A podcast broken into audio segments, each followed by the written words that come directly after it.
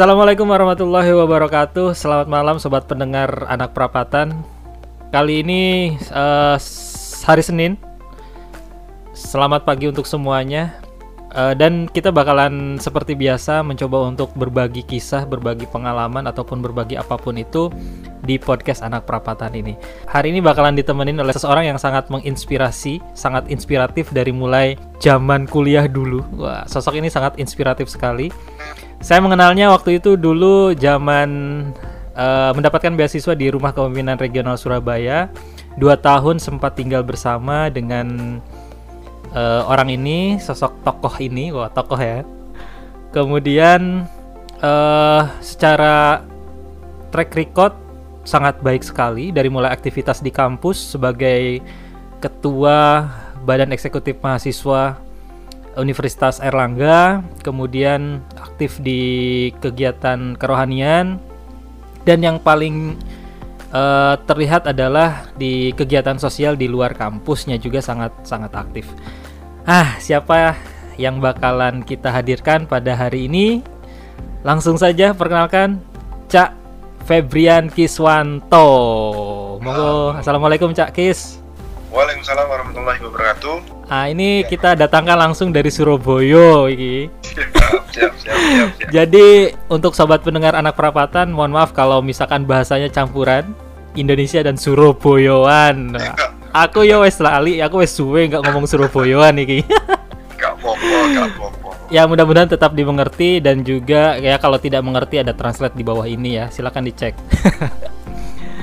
P kabarnya Cakis? Alhamdulillah baik Mas Fik. Oke. Okay. Uh, eh, ini kita terhubung melalui sambungan telepon, jadi suaranya mungkin agak nanti akan agak sedikit uh, apa ya cempreng ya. Mohon maaf untuk sobat pendengar anak perapatan semuanya. Harapannya mudah-mudahan tidak mengurangi esensi dari podcast kali ini. Uh, bisa dikenalin dulu, Cak. Lulusan mana, terus sekarang aktivitasnya apa? Ya, terima kasih Mas Fik sudah diberikan kesempatan buat main ke anak perapatan ya. Iya, Cak Feb. Iya, luar biasa uh, bisa bisa sharing bersama teman-teman. Perkenalin, uh, saya atau gua nih ya? Bebas. awak dewe ya gak apa-apa. Ya, kan sama orang teman-teman Jakarta dan sekitarnya ini ya. Iya. Gua ya kita coba ya.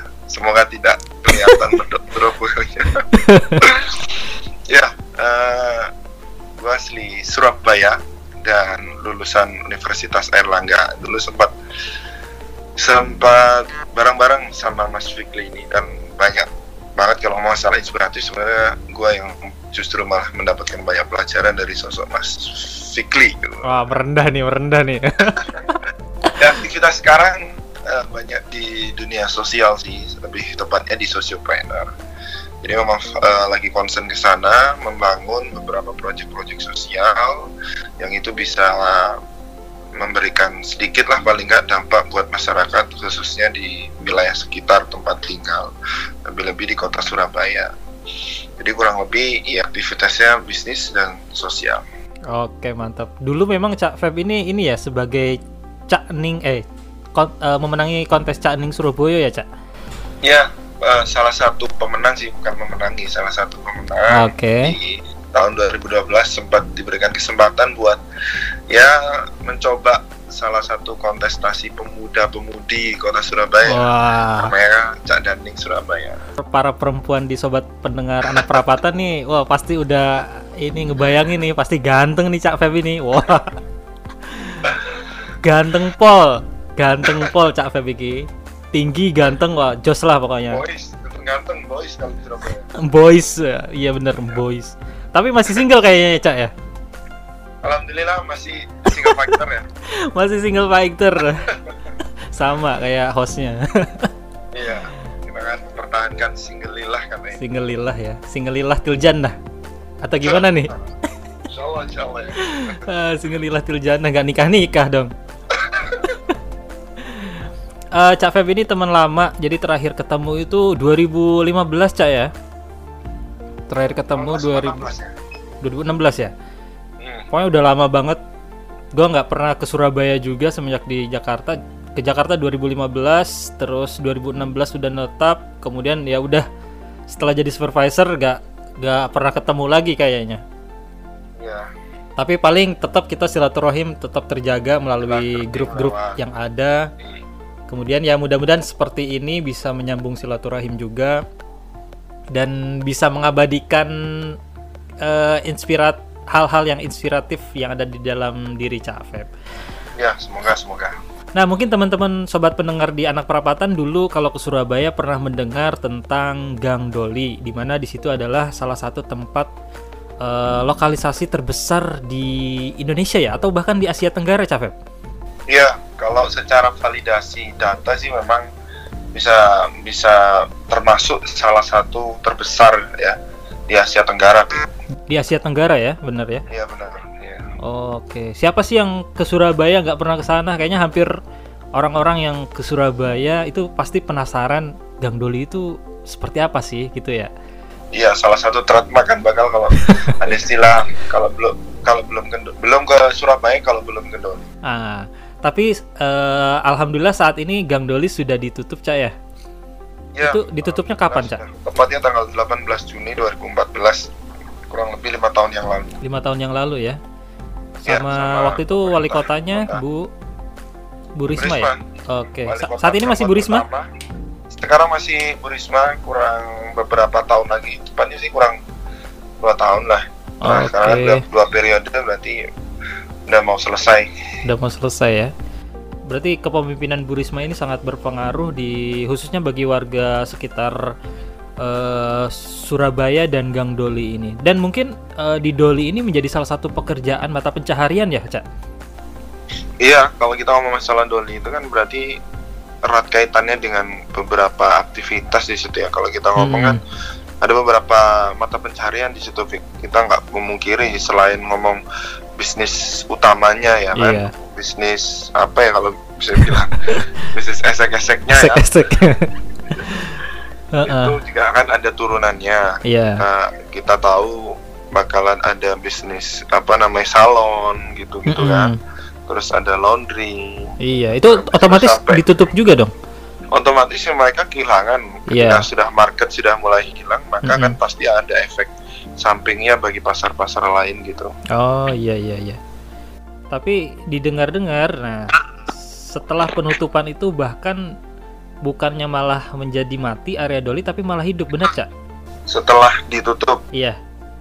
ya kalau area secara secara fisik memang sempat mati dulu Mati dulu ya. karena memang bayangin ada perputaran kurang lebih kalau pakar waktu itu media pernah merilis ke sekitar 1 m Mm-mm. each day gitu ya per day ya Heeh.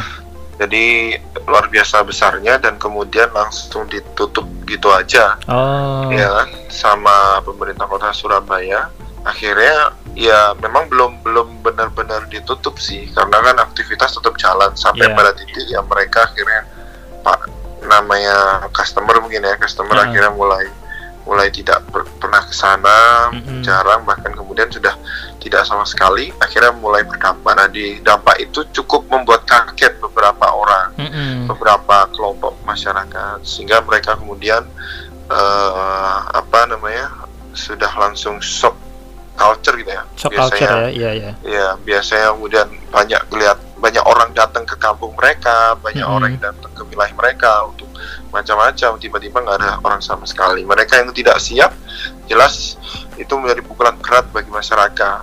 Nah kita melihat dari sisi itu yang kemarin.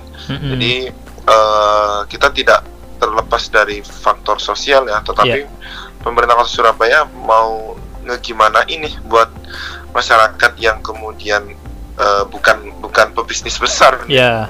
Yang kemudian mempunyai usaha-usaha itu tadi, tetapi Mhm. bagaimana yang masyarakat yang kecil tetapi yang menggantungkan pekerjaannya karena faktor adanya lokalisasi gitu. Tapi setelah eh, proses untuk eh, apa recovery-nya itu seperti apa di doli situ? Ya, recovery-nya memang hari ini pun kalau saya boleh bilang kita masih tetap tahap recovery ya.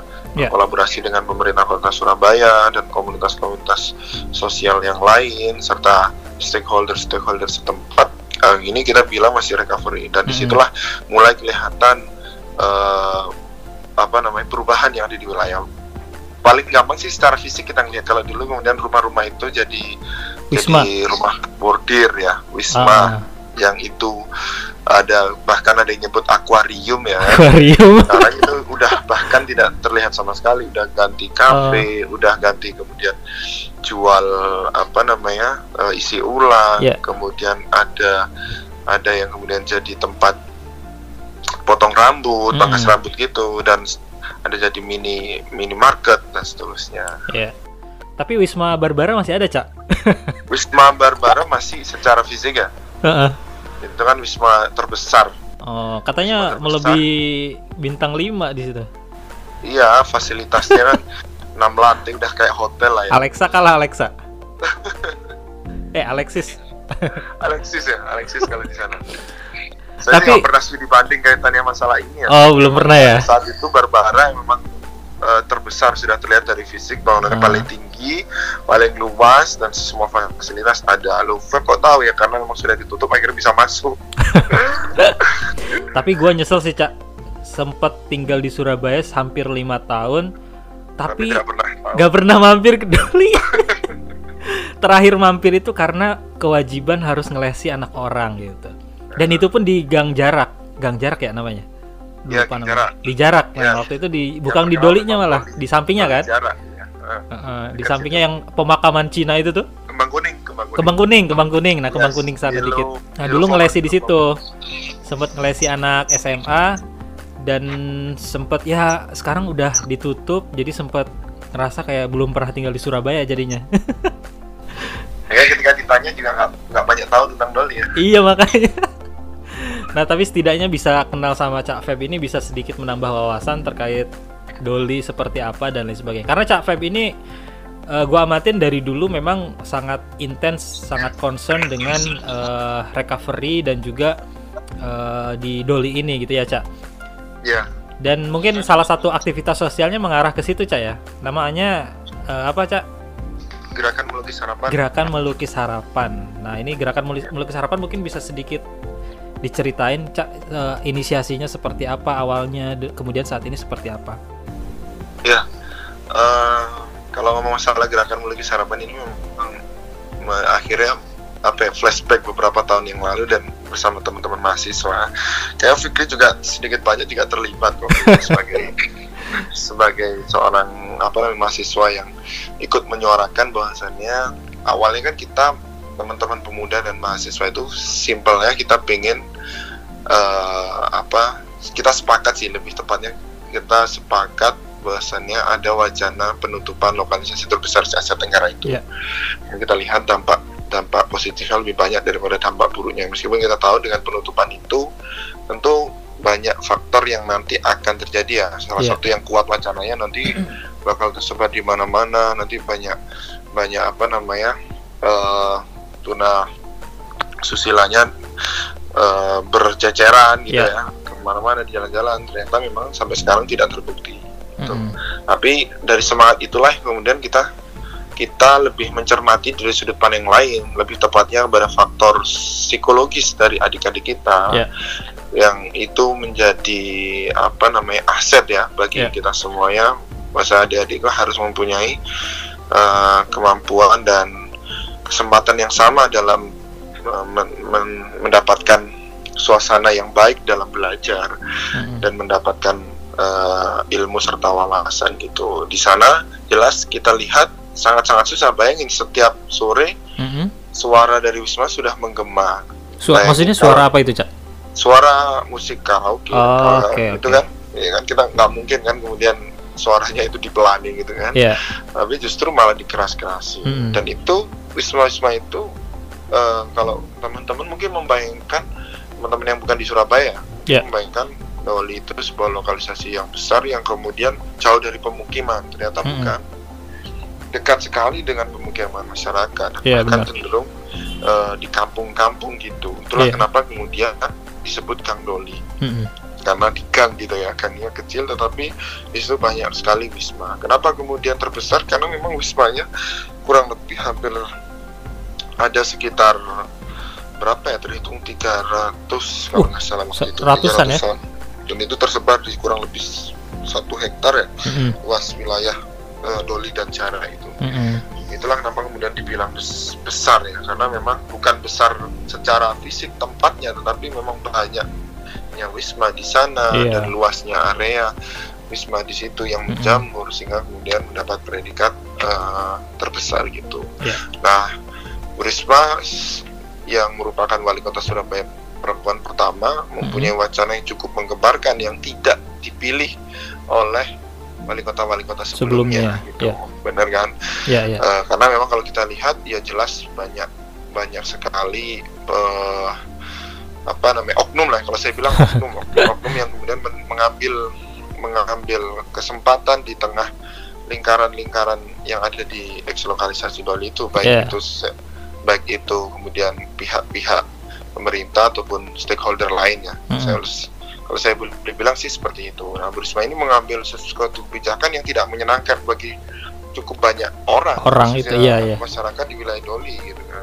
Bu Risma ngambil kebijakan mau menutup dan itu sudah tersiar sejak tahun 2013 13.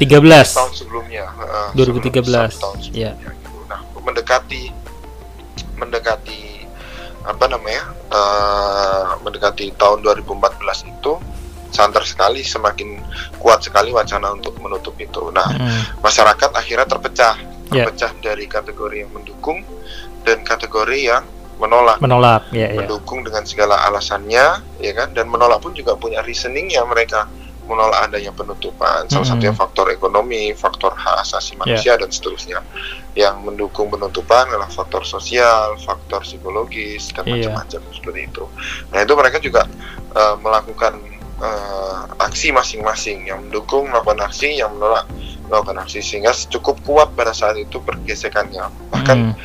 di wilayah itu sudah wilayah Doli dan sekitar itu termasuk zona merah iya. yang orang biasa tidak bisa masuk sembarangan mendekati Setelah apa, penutupan itu. sebelum Sebelum. mendekati, ah, mendekati wacana itu Oh, tidak tidak sembarang orang boleh masuk Iya. karena takut oh, ini pihak pemerintah pengen me- mengolah dan memobilisasi dan Iya. seterusnya itu ketakutan-ketakutan warga sampai pada saatnya detiknya tanggal 18 Juni 2014 itu akhirnya Bu Risma secara secara formal ya Iya. Secara formal itu secara simbolis kalau saya bilang seremoni gitu menutup mm-mm. lokalisasi Doli yang dilaksanakan di Islamic Center pada saat itu di Iya, daerah dekat Doli juga. dekat dulu ya. Bayangin ketika kemudian di Islamic Center di dalamnya itu ada penutupan, di luarnya ada bakar-bakar ban, kemudian ada teatrikal dari kawan-kawan yang menolak itu. Jadi di dalam itu khidmat, di luar juga khidmat untuk menolak. Iya, iya. Tapi nggak ada sampai bentrok ya, Cak, waktu itu ya? kalau bentrok itu tidak terlalu ya, sentuhan fisik itu hanya Sentuhan fisik ada ya? kemudian eh, misal memaksa atau apa gitu Ya. baru ya baru ada sentuhan fisik tapi lebih ke ini sih lebih ke apa namanya mobilisasi ke arah konfrontasi secara mental ya Mental. Oh, Oke. Em, sampai ada teatrikal me- saya, saya masih ingat ada prosesi penyembelihan apa eh, kerbau Mm-mm. ya itu kerbaunya diibaratkan pemerintah yang kemudian disembelih oleh mereka Mm-mm. ya kan kemudian langsung dibuat eh, kayak semacam bancaan ya kalau bahasa Surabaya itu Iya. bancaan itu kayak gitu dan sempat juga ada ada pengajian mereka eh, pengajian menut menolak oh, covernya pengajian Pengajian menolak tapi menolak untuk dibubarkan dulu itu ya. Nah, banyak jadi memang aktivitas di sana itu Hmm. mobilisasinya sangat kuat karena kita tidak mengkiri karena faktor ekonomi tadi ya. Ya. Mereka sudah me- apa mendeklar untuk tidak mau karena itu merupakan hajat hidup dan mata pencaharian orang banyak. Iya. Dari situlah awal kita mulai gerak. Kita ber- berada di posisi mendukung pada saat. Kita membentuk namanya apa ya waktu itu Aliansi Pemuda apa gitu ya? Mas Mas. Oh, Mas, ya. dulu, Mas ya elemen pemuda elemen elemen masyarakat Surabaya elemen Ya. masyarakat Surabaya Mas waktu itu kan setelah Mas eh, akhirnya waktu itu berhasil menutup eh, waktu itu kita sampaikan petisi kita kepada Menteri Sosial seingat saya eh, Pak Bapak Salim Segaf Salim Segaf eh, ya. Menteri Sosial Kabinet Pak SBY Jilid 2 Ya. Yaitu kita sampaikan ada ada tantangan kalau saya bilang challenge dari Pak Mensos itu Mm-mm. terus teman-teman pemuda dan mahasiswa ini mau bikin gerakan atau gebrakan apa Ya, masa cuma gini doang ngumpulin Hmm. petisi-petisi gitu lah petisi. ya Tapi harus ngasih solusi gitu ya. ya Mm-mm. di situ akhirnya kita mikir dan ternyata memang dari teman-teman mahasiswa karena segala kesibukan lah ya kita kita akui ya akhirnya ada yang mau lanjut dan ada yang mau ada yang em, apa namanya cukup sampai di sini ya Iya. kita hargai segala keputusan itu Iya. akhirnya emas itu harus berubah eh, secara secara apa namanya identitas karena Mhm. waktu itu emas itu kumpulan dari beberapa organisasi masyarakat dan organisasi mahasiswa yang tergabung dalam elemen eh, masyarakat Surabaya tadi Iya. dan akhirnya kita fokuskan eh, khusus pemuda dan mahasiswa akhirnya membuatlah aliansi pemuda dan mahasiswa Surabaya Hmm. Proyek pertama yang kita lakukan pada saat itu adalah sosialisasi dan Iya. pendekatan pada warga. Ah, Macam- Oke. Macam-macam aktivitasnya kan, waktu itu masih ada bazar, kemudian Ah. terus kunjungan ke RT dan RW, nonton bareng dan seterusnya. Sampai akhirnya kita eh, ingin menguatkan posisi kita di sana dan agar lebih serius serta transparan dalam eh, anggaran dan kemudian transparan dalam aktivitas kita membuatlah Yayasan Gerakan Melukis Harapan. Oke. Panjang sekali sebenarnya eh, apa namanya ruh dari Yayasan Gerakan Melukis Harapan ini ya. Iya, Hmm. kalau diceritain bisa jam sendiri ya. Tapi mudah-mudahan kita udah secara singkat pun sudah memahami sih dari mana latar belakang munculnya Gerakan Melukis Harapan ini. Dan eh, saat ini seperti apa yang dilakukan oleh Gerakan Melukis Harapan ini, Cak? Iya, eh, aktivitas kita tidak jauh berkutat dengan pemberdayaan masyarakat ya. Iya. Alhamdulillah kita bisa mendampingi dan akhirnya bisa eh, bersama-sama dengan masyarakat untuk eh, membuat kalau saya bilang apa ya lebih ke kemandirian kemandirian baru yang dimunculkan oleh masyarakat. Mm. Masyarakat mulai mulai membuat usaha sendiri, kemudian ada ada paguyuban masyarakat sendiri, Mm. aktivitas aktivitas aktivitas yang sifatnya untuk ekonomi kreatif itu juga bergerak di situ Mm-mm. gitu. Kita kita lebih sebagai fasilitator di situ. ya. Fasilitator ya, oke. Kan dulu mata pencahariannya seperti itu, Cak. Dan mungkin kita nggak tahu sih di samping yang paling dominan kan eh, prostitusinya kan. Nah, setelah masuknya gerakan melukis harapan, apakah ada komoditas yang di diberdayakan di sana? Dalam artian misalkan eh, masyarakat diarahkan untuk membuat garmen atau untuk eh, dan lain sebagainya. A- Ada nggak seperti itu? Ya, kita di awal itu sebenarnya paling gampang memetakan mereka ya. Mm-mm. Memetakannya itu mana yang kemudian masih ingin berubah, masih ada keinginan untuk berubah dan Ya. mana yang kemudian tidak.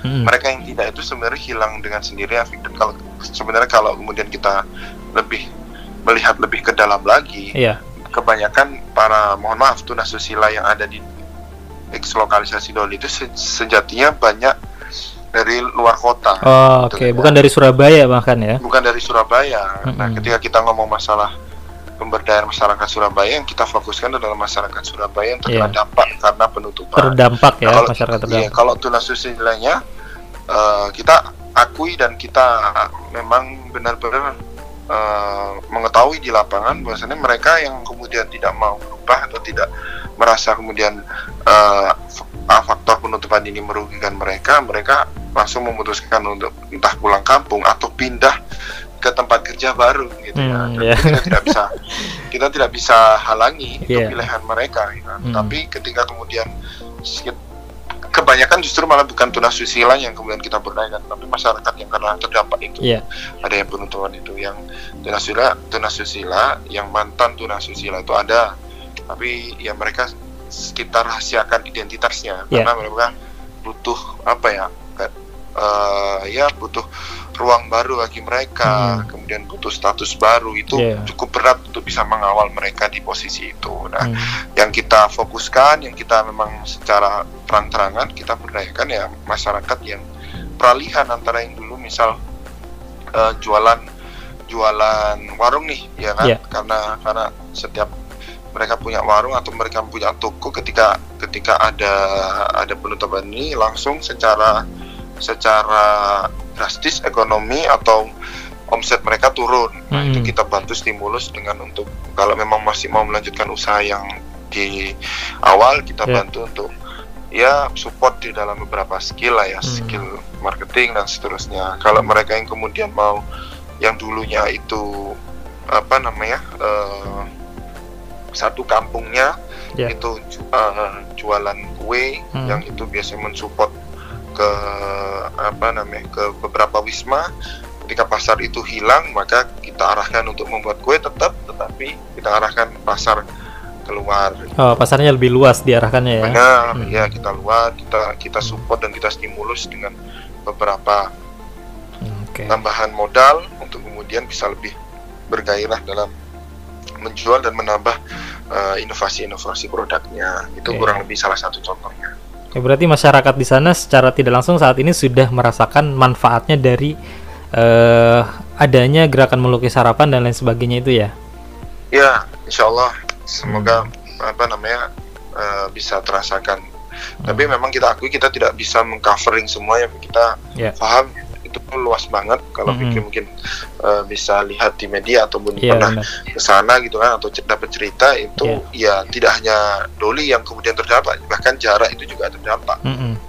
Iya iya. Ya, ya covering kita semampu kita sesuai kapasitas kita. Sehingga ya sebenarnya banyak komunitas-komunitas yang lain yang akhirnya setelah kita hadir kemudian mereka ngambil di sisi pendidikannya. Anak-anak ada yang kemudian hadir mereka mengambil di sisi khusus ekonominya. Atau ada komunitas yang baru yang hadir mereka Ya. mengambil eh, khusus di bidang eh, apa namanya kreasinya atau kreativitasnya macam-macam. Dengan paling tidak kita bersyukur kita bisa menjadi pelopor lah ya Iya akhirnya benar. Ya. masyarakat buat partisipatif terhadap saudaranya atau lingkungannya Oke. Nah, selain dari gerakan melukis harapan nih, Cakis. Eh, Cakis ini aktif di mana lagi sih untuk gerakan sosialnya? kalau saya kebetulan hari ini diamanahkan di Karang Taruna Mm-mm. Karang Taruna Kota Surabaya Oh, Oke. yang itu kalau kita ngomong Karang Taruna juga di bawah koordinasi dengan dinas sosial Dinas sosial kalau ya. di kota ya dinas kota dan kemudian di provinsi juga dinas sosial kalau di pemerintah pusat itu Kementerian Sosial Ya. gitu Apa nih yang digarap nih?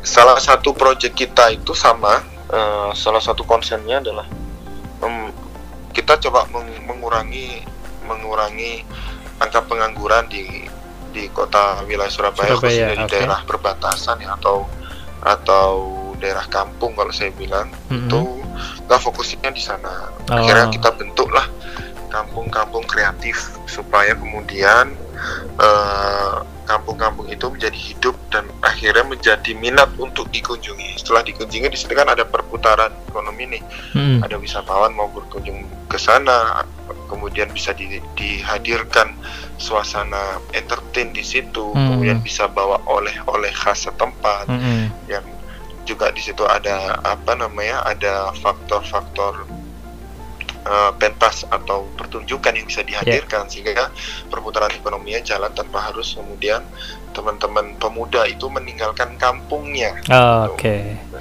Banyak soalnya ya pemuda-pemudanya malah nyari pekerjaan di luar wilayahnya ya. Iya benar merasa termasuk saya nih. Gak apa kan belajar dulu. Eh, belajar dulu, ntar balik Selama lagi, ya. Ada keinginan pulang, masalah. Yang menjadi masalah kan sudah kampung saya biarlah seperti itu sampai Ah, seterusnya. Wah ini yang jadi masalah. Iya, iya benar.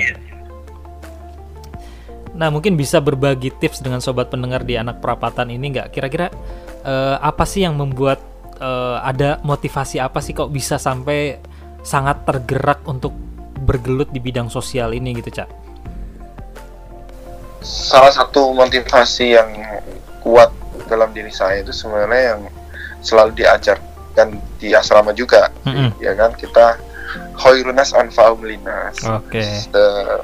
baik-baik manusia itu adalah mereka yang bermanfaat untuk sekitar. Itu yang akhirnya menjadi pegangan sih. Mm-mm. dan juga sebenarnya kita berbuat berbuat positif berbagi kemudian eh, mencoba membantu menyelesaikan masalah orang lain itu bukan karena kita ingin tampak pahlawan di mata mereka sejatinya Oh. kita yang butuh sebenarnya Oh gitu. Oh. Saya bilang kenapa ya hukum hukum alamnya itu kan eh, apa sebab akibat ya kalau kita Iya. kemudian Hmm. melakukan sesuatu maka pasti kita akan juga akan mendapatkan sesuatu nah Hmm.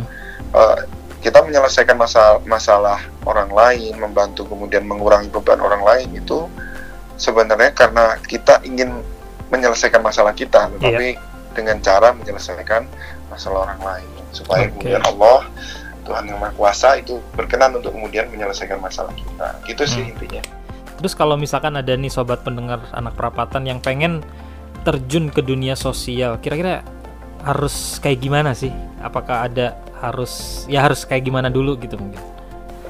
paling mudah itu eh, sesuaikan dengan kekuatan atau passion kita ya Mm-mm. sesuaikan kita harus harus selesai dengan diri maksudnya lebih kepada eh, kita ini orang yang seperti apa sih Mm-mm. kuat di mana nah kekuatan kita ini coba kemudian sesuaikan dengan masalah yang ada di sekitar kita Iya. misal ternyata mas kita kuatnya ini adalah di influencer nih Mm-mm. Eh, lo punya lo punya pengaruh lo punya follower lo Hmm. punya eh, apa subscriber yang cukup kemudian eh, lo mas tahu masalahnya yang ada di sekitar lo adalah misal eh, masih banyak masyarakat yang membuang sampah sembarangan Iya. simple yang, yang lo bisa lakukan adalah lo bisa buat campaign di media sosial lo gitu kan Mm-mm. Ah, Oke. Eh, lo bisa bisa berbagi dan itu bisa mempengaruhi secara tidak langsung habit eh, masyarakat untuk akhirnya tidak membuang sampah sembarangan itu Mhm. karena karena menggunakan kekuatan diri lo dan kemudian dihubungkan atau dikonekkan dengan eh, faktor yang ada di luar Iya. yang masalah yang ada di luar jadi Mhm. jangan dipaksakan misal eh, masalah masalah seperti ini sedangkan lo nggak mampu di situ dan lo paksain diri lo di situ jatuhnya nanti nggak maksimal malah malah Mm. bisa jadi eh, masyarakat itu tercederai atau bahkan tidak mendapatkan mendapatkan apa yang mereka inginkan. Iya. Jadi ke, ke- tips eh, yang bisa saya bagikan itu lihat pertama lihat eh, kekuatan strength kita di mana, kemudian Mm-mm. sesuaikan dengan masalah yang ada di sekitar itu apa. Coba Hmm. connectingkan supaya kekuatan lo yang eh, yang lo punya itu Hmm. bisa menyelesaikan sedikit atau banyak dari masalah yang ada di lingkungan. Oke, mantap sekali. eh wah, gue sampai nggak bisa berkata-kata nih di sini. Saking terpana juga, gila banget. Dan memang apa ya, segala sesuatu yang dilaksana dilakukan dengan passion itu kayaknya nggak ada yang mustahil ibaratnya kayak gitu ya. Iya benar-benar. Mm-mm. Eh, tadi ada yang menarik terkait konsep. eh, sekarang kan banyak era media sosial dan lain sebagainya, dan orang-orang lebih tertarik terhadap mengunjungi satu tempat itu karena misalkan di tempat itu ada yang menarik, terus ada yang ya instagra instagramable gitu kan, dan lain sebagainya lah. Nah, tadi kan Cak Kis ini bergerak di bidang eh, apa namanya untuk membuat eh, satu kampung ini menjadi kampung yang apa kreatif ya Kreatif. kampung ya. kreatif dan lain sebagainya. Nah itu ada ada tahap-tahapnya nggak sih? Misalkan harus dianalisa dulu kampungnya atau seperti apa untuk menjadikan kampung ini kampung kreatif yang itu bisa untuk menggerakkan perekonomian masyarakat, kemudian bisa memperkenalkan terhadap eh, masyarakat luar gitu. Ada nggak sih Iya, langkah-langkahnya? eh, kita kita eh, ke sininya akhirnya semakin dapat dapat ilmu ya. Mm-mm. Awalnya dulu se- sebenarnya kita learning by doing gitu. Oh, kita kita sesuaikan dengan apa yang kemudian kita inginkan dan Mhm. kemudian kita kita kita eh, eksekusi beberapa program yang memang kita inisiasi sendiri ataupun berdasarkan kesepakatan tim. Ya. Tapi sebenarnya ada ilmunya yang kemudian Mhm. saya dapat. Selama Gimana, kemudian gimana? Apa yang Fikri sampaikan tadi yang pertama adalah jelas analisis sosial. Mm-mm. Analisis sosial itu kita kita butuhkan untuk bisa mengetahui eh, existing existing dari kondisi warga hari ini Mm-mm. dan apa yang kemudian potensi apa yang dimiliki oleh kampung tersebut atau warga Oh. tersebut. Oke. Ya, itu ketika kita sudah punya eh, data terkait tentang existing warga ataupun kampung tersebut, kita jadinya lebih enak. Kita mau Hmm. mengarahkan ke mana, Ya. kita mau menguatkan di sisi apa, itu menjadi hal yang paling penting dalam dalam proses pembentukan sebuah konsep eh, kampung kreatif ya. Ya. Itu. Nah, uh, misal kemarin itu yang barusan kita launching bersama teman-teman Surabaya Creative Network itu Mm-mm. ada kampung uh, Lawang Seketeng. Lawang Ternyata di Skete. dalam- Iya, ternyata Ah. di dalamnya itu ada uh, beberapa uh, apa salah beberapa tempat atau destinasi yang dulunya erat kaitannya dengan sejarah. Mm-mm. Makanya kita golongkan ini termasuk kampung heritage. Ya, Gitu. ya. Itu karena apa? Ya karena memang ada beberapa banyak sejarah yang kemudian di situ. Salah satunya tempat di mana belajarnya eh, Bung Karno Mm-mm. dekat sama Pandean situ. Oh, Oke. Rumah eh, eh, lahir Bung Karno dan dekat tempat eh, Bung Karno belajar tentang eh, sosial dan politik Mm-mm. yaitu di rumahnya Host Cokraminoto Host dekat iya. di situ di di daerah Peneleh juga di daerah Ya. situ kita klasifikasikan termasuk kampung heritage karena Ah, Oke. eh, kita harap eh, kita berharap ketika kemudian orang pengen kita akui lah ya seorang Bapak Husco Kraminoto ini Mm-mm. luar biasa kan Ya. bisa melahirkan orang-orang besar dari tangan di beliau. Maka kan kita penasaran sebenarnya di wilayah wilayah tersebut ada apa saja? Bagaimana kemudian Bung Karno belajar? Bagaimana kemudian lingkungan yang membentuk Bung Karno? Nah itu kita bisa berikan sedikit gambaran pada waktu itu gimana dengan wisata sejarah atau wisata Hmm. heritage. Orang Oke. bisa kemudian main ke Lawang Sekreteng di situ ada beberapa spot-spot yang eh, kental sekali dengan sejarah nah, Hmm. nah itu kita awalnya menganalisisnya juga begitu dengan cara ber eh, apa berinteraksi dengan warga secara langsung Mm-mm. kita mencoba menggali informasi yang ada dari tokoh-tokoh setempat Iya. kemudian kita membantu untuk membuat eh, perencanaan dari kampung ini mau dibawa ke mana Oh. setelah semua selesai Ya. eh, analisis itu selesai maka yang kedua tips yang pertama atau langkah pertama ya Ya. yang kedua membuat tim jelas membuat Buat tim, tim ini ya. menjadi Oke. mem- ya menjadi sebuah hal yang tidak boleh dilewatkan Mm-mm. karena memang kita Nggak bisa kita gerak sendiri ya. Hmm. benar Mm-mm. ya dan saya membuat tim ini jangan diartikan bahwasanya kita sendiri atau organisasi kita sendiri ya Hmm. bisa jadi jatuhnya adalah kolaborasi Kolaborasi, iya iya. benar kita ajak kawan-kawan komunitas atau eh, lembaga-lembaga yang Hmm. kiranya bisa sejalan dengan kita Ya. untuk mengembangkan di sini kita kita bantu untuk bisa Hmm. mengencourage eh, mengempowering warga yang ada di sana setelah Oke. dapat tim sudah selesai maka eh, yang ketiga ini eh, lebih ke karena kita karena kita masih dalam naungan eh, hukum dan pemerintahan ya Mm-mm. sehingga kita perlu bersen- mau tidak mau bersentuhan dengan dengan lembaga-lembaga yang um, terkait tentang eh, kalau saya bilang apa ya me- membantu mempromosikan Hmm. nah kita Pihak siapa kita- aja itu cak kalau kayak gitu? kenapa Dari pihak mana aja? Dispora gitu ya? ya Kepolisian juga? maupun eh, swasta Oh pemerintah maupun swasta, oke. pemerintah itu jatuhnya ke mem- mem- memberikan izin Ya. terkait tentang oh ini meresmikan kan semakin mantap Mm-mm, kalau kita oke. komunitas nih kan kalau atau hanya sebatas gerakan bisa jadi secara eh, apa ya secara legitimate Mm-mm. kita belum dapat tapi Oh, kalau kemudian oke. pemerintah kemudian ini mer- merupakan salah satu destinasi baru yang ada di kota Surabaya nah kita kan Hmm. bisa terbantu di situ Oke, berarti dukungan pemerintah juga Sparta- sangat di penting Sparta, ya? di Sparta Ya, di Sparta ya dinas pariwisata dinas pariwisata, oke. Nah, swasta apa swasta Mm-mm. swasta berperan ketika eh, ya CSR yang bisa disalurkan kepada masyarakat Ah, setempat oke, oke, oke. supaya semakin kuat dari sisi pemberdayaannya tetapi Mm-mm. juga tidak tidak melupakan sisi pengembangan dari kampung tersebut juga Oke. Oke. Ada lagi? Ya kurang lebih itu Oh, tiga tiga hal yang bisa dilakukan untuk pertama kali mau membuat sesuatu ya Ya. jadi analisis dua buat tim tiga eh, ber kolaborasi kolaborasi dengan, dengan eksternal eksternalnya. Oke, mantap, Cak. Ya, sepertinya udah hampir sejam nih. Wah, Nih, kerasa sebenarnya ya? Cak, Febri ini sangat cocok sekali untuk mencalonkan diri sebagai Surabaya CG, Surabaya 1 ini. Jadi wali kota meneruskan Bu Risma. Gua sih pasti ngevote sih kalau Cak Feb maju sebagai Oh, wali kota. beda, masalahnya beda ini ya. KTP-nya beda masalahnya. KTP-nya KTP Sukabumi masih jadi nggak bisa milih juga. Tapi kita eh, Indonesia memerlukan sosok-sosok pemuda yang seperti Cak Febrian Kiswanto sih, yang dia sangat Amin, amin. peduli terhadap masyarakat, peduli terhadap lingkungannya, dan di sisi lain eh, ada pola pikir untuk eh, mengembangkan perekonomian masyarakat gitu.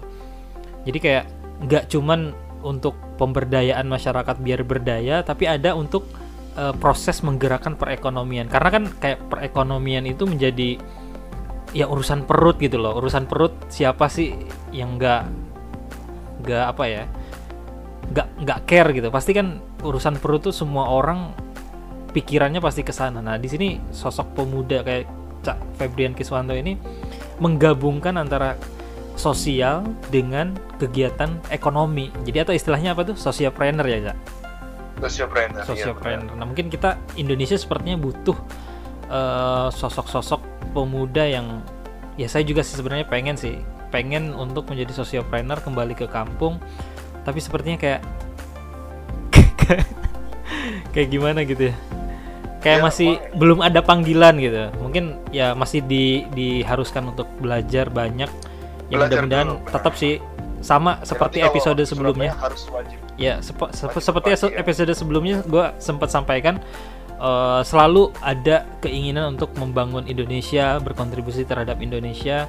Tapi ya memang kembali lagi salah satu cara termudahnya adalah dengan kembali ke daerah kita, membangun daerah kita, baru bisa sampai ke tataran tingkat yang lebih besar. Mungkin seperti itu sih kesimpulan yang eh, dari episode yang dua yang lalu yang kemarin.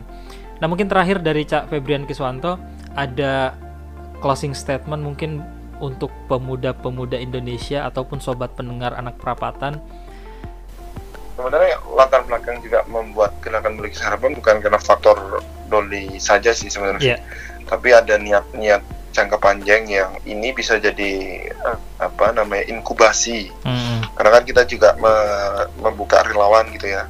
Kita membuka relawan, teman-teman mahasiswa, di mahasiswa hmm, yang pengen belajar bagaimana kemudian bersentuhan dengan masyarakat. Karena kalau kita misal mengandalkan kalau di Oh program iya iya. kampus hari ini itu ada KKN ya, Iya ada KKN ya. tapi kan KKN itu terbatas waktu ya, Hmm, terbatas waktu dan lo mungkin hanya mendapatkan kesempatan KKN itu hanya sekali. hmm, Gitu. iya. Nah, bagaimana kemudian lo bisa mengeksplor lebih dalam tentang sosial eksperimen lo, Hmm, hmm. pengalaman lo bermasyarakat? Karena sejatinya kita semua pasti akan kembali ke masyarakat, bener kan? Iya benar benar benar Ya sekali. kan? Meskipun kita kemudian ya lo hari ini mungkin kuliah di luar negeri, Iya. ya suatu saat lo akan kembali ke tempat lo di mana akan Iya, meskipun kita dan kerja di mana pun, nanti kita akan bermasyarakat juga sih, berkeluarga, kemudian banyak. bermasyarakat, Iya. berkumpul dengan masyarakat. Iya benar-benar. yang artinya itu kita tidak bisa dapetin di kampus, ya kan? Iya. Mm-mm. Tentang materi kemudian kita bersinggungan dengan masyarakat, kita berkonflik dengan masyarakat dan bagaimana kemudian kita bisa eh, mencari solusi atas permasalahan yang ada di Iya. masyarakat itu nggak kita dapetin di kampus. Makanya kita perlu mencoba memang paling tidak ada pengalaman eh, Iya. terkait sosial eksperimen itu di luar kampus. Nah Eh. kita hadir mencoba di, di posisi itu, Vic.